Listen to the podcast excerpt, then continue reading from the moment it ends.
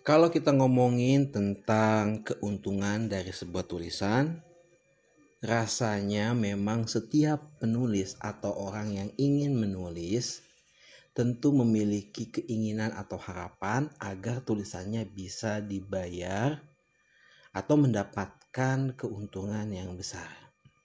Tetapi jarang atau tidak banyak orang-orang penulis yang e, mengetahui cara atau teknik bagaimana sih tulisan kita bisa dibayar dengan bayaran yang mahal atau tulisan kita bisa mendatangkan keuntungan yang besar.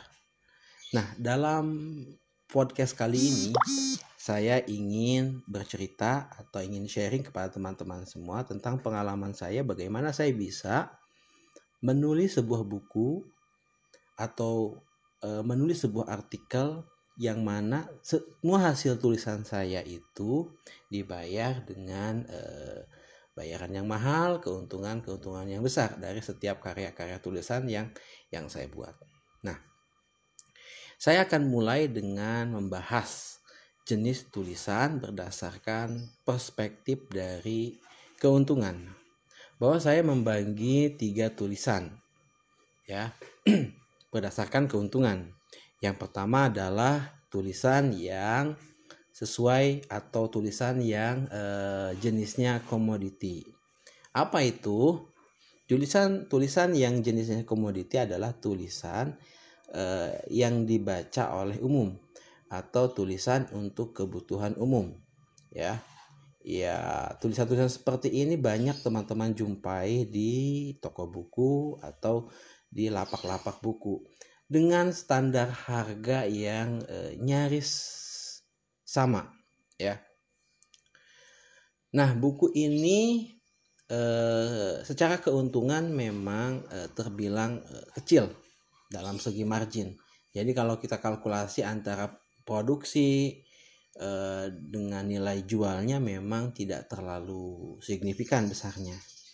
Dan kalaupun kalaupun misalnya kita menjual harga buku komoditi ya tentu kita tidak bisa terlalu mahal karena akan dibandingkan dengan e, penulis atau buku-buku sejenis. Misalnya anda menjual buku e, apa seharga dengan halaman 200 halaman seharga 200 ribu tentu pembaca akan komplain karena apa? Karena akan diba akan membandingkan tulisan Anda, buku Anda dengan penulis yang lain. Karena begitulah e, jenis buku komoditi. Nah, menariknya adalah ketika teman-teman menulis buku-buku e, dengan kebutuhan e, untuk untuk pembaca umum, maka buku-buku itu ya tidak terlalu tidak terlalu susah untuk mempromosikannya. Contoh misalkan ada novel ya orang semua tahu novel. Ya orang semua suka tulisan novel. Bahkan eh, secara kalkulasi penjualan ya sangat relatif eh, terus naik ya. Jika anda penulis novel ya artinya anda masuk pada pada buku-buku yang sifatnya komoditi dalam non fiksi juga ada buku-buku yang yang yang sifatnya komoditi. Seperti buku-buku pendidikan ya pendidikan umum kemudian uh, buku agama buku-buku yang lain lah ya. Yang yang yang biasa anda yang biasa anda dapati di toko-toko buku ya. Yang yang harganya nyaris sama gitu. Itulah buku komoditi ya. Bermain di buku jenis tulisan ini uh, memungkinkan anda memiliki pasar yang jauh lebih luas ya ketika memang Anda e, mencoba untuk membangun branding Anda sebagai penulis, kemudian Anda terus mempromosikan buku, ya hal-hal yang biasa dilakukan oleh para penulis pada umumnya. Itu adalah jenis ke e, jenis tulisan komoditi. Yang kedua adalah tulisan tren ya tulisan-tulisan atau buku-buku yang memang mengulas isu-isu yang sedang hit, yang sedang ngetren. Ya. Nah, ketika Anda menulis buku-buku yang sedang tren, maka potensi untuk meraup keuntungan jauh lebih besar. Karena apa? Karena eh, buku-buku e, seperti ini biasanya dicari, ya. Bukan Anda mempromosikan buku, mempromosikannya ya hanya sekedarnya tapi tapi pada dasarnya adalah dicari.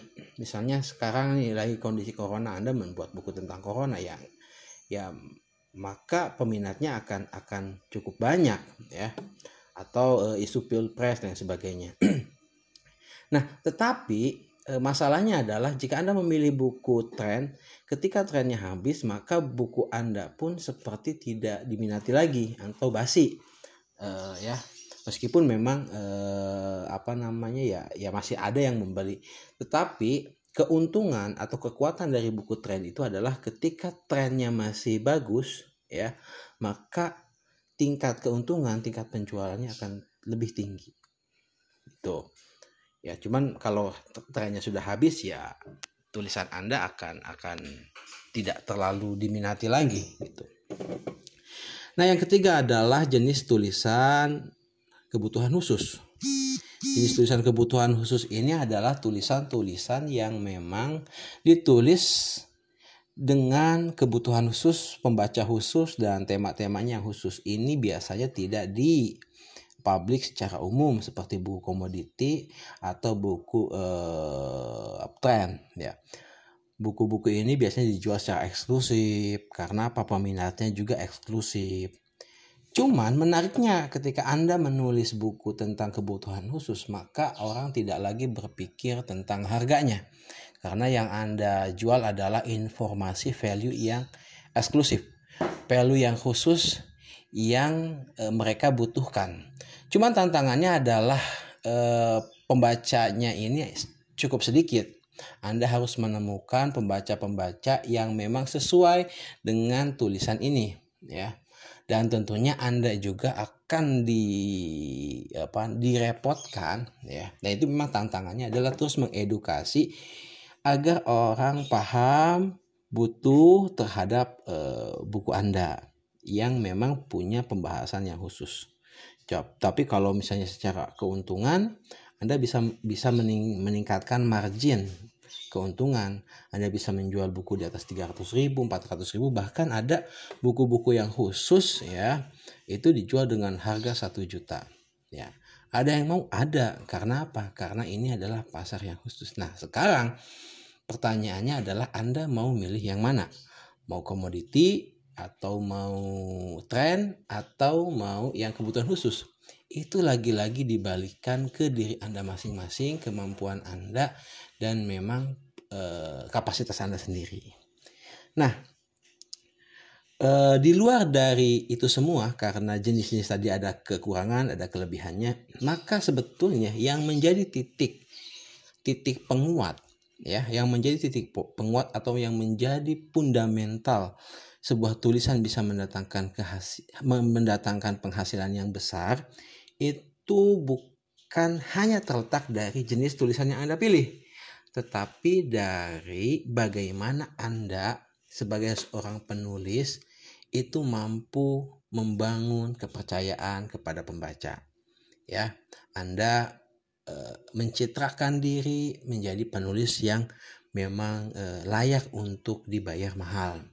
Ya Anda mulai dengan memperbaiki sosial media Anda, kemudian mem membangun konten-konten yang bermutu, mengedukasi market, mengedukasi pembaca, sharing dengan pembaca, kemudian membangun komunitas pembaca Anda. Ya sehingga apa? Sehingga terbangun trust sehingga terbangun e, kepercayaan dan orang akan ketagihan terhadap tulisan Anda. Nah, jika seperti itu, saat Anda menawarkan tulisan Anda, maka pasar atau pembaca Anda sudah siap untuk menerima karya Anda. Ya, lain lain misalkan Anda memang misalkan Anda eh, oke okay, Bang saya pengen buku saya itu kebutuhan khusus karena saya melihat eh, marginnya besar. Tetapi ketika Anda lupa membangun jaringan pembaca, kemudian membangun uh, personal branding Anda, kemudian uh, tidak sering berbagi konten-konten yang bermanfaat sehingga meningkatkan sosial media Anda, meningkatkan subscribe Anda, meningkatkan pelanggan Anda, meningkatkan pembaca Anda, maka buku Anda pun tidak akan uh, begitu antusias orang menerimanya ya. Apalagi misalkan anda termasuk orang yang tidak aktif bersosial media kalaupun misalkan orang ada yang membeli itu paling adalah lingkungan-lingkungan anda yang yang merasa uh, kagum karena Anda karena Anda berhasil menulis buku. Tetapi ketika lingkungan Anda sudah habis, mereka sudah membeli lagi, siapa lagi akan membeli? Ya, tentu penjual menjual sesuatu itu bukan hanya pada orang yang kita kenal, tapi bagaimana kita bisa menjual e, buku Anda, produk Anda kepada orang yang tidak dikenal. Caranya adalah dengan membangun e, apa namanya personal branding Anda. Nah, dalam konteks ini Anda sudah paham ya bahwa e, rangkaian dari dari membuat tulisan Anda menjadi bes menjadi mendapatkan penghasilan yang besar itu sebetulnya bukan hanya dari sisi kualitas tulisan ya tapi kepribadian Anda kemudian eh, personality Anda kepercayaan orang terhadap Anda itu yang membuat orang mau membayar atau mau membeli karya Anda karena eh, seorang penulis itu ya penghasilannya adalah dari tulisannya bagaimana tulisannya bisa dibeli orang, kemudian tulisannya bisa bermanfaat untuk orang dan dan bukan hanya bermanfaat untuk beberapa orang tapi bermanfaatnya masif. Ya, jika Anda misalkan menjual buku di harga 100 ribu, bayangkan jika misalkan orang yang membelinya 20 ribu orang. Tentu keuntungannya miliaran ya. Nah, itu harus Anda bangun ya. Gitu. Nah, nanti saya akan jelaskan eh, bagaimana sih cara Eh, meningkatkan penjualan, membangun tim penjualan, kemudian membangun trust dan sebagainya di podcast-podcast yang lain.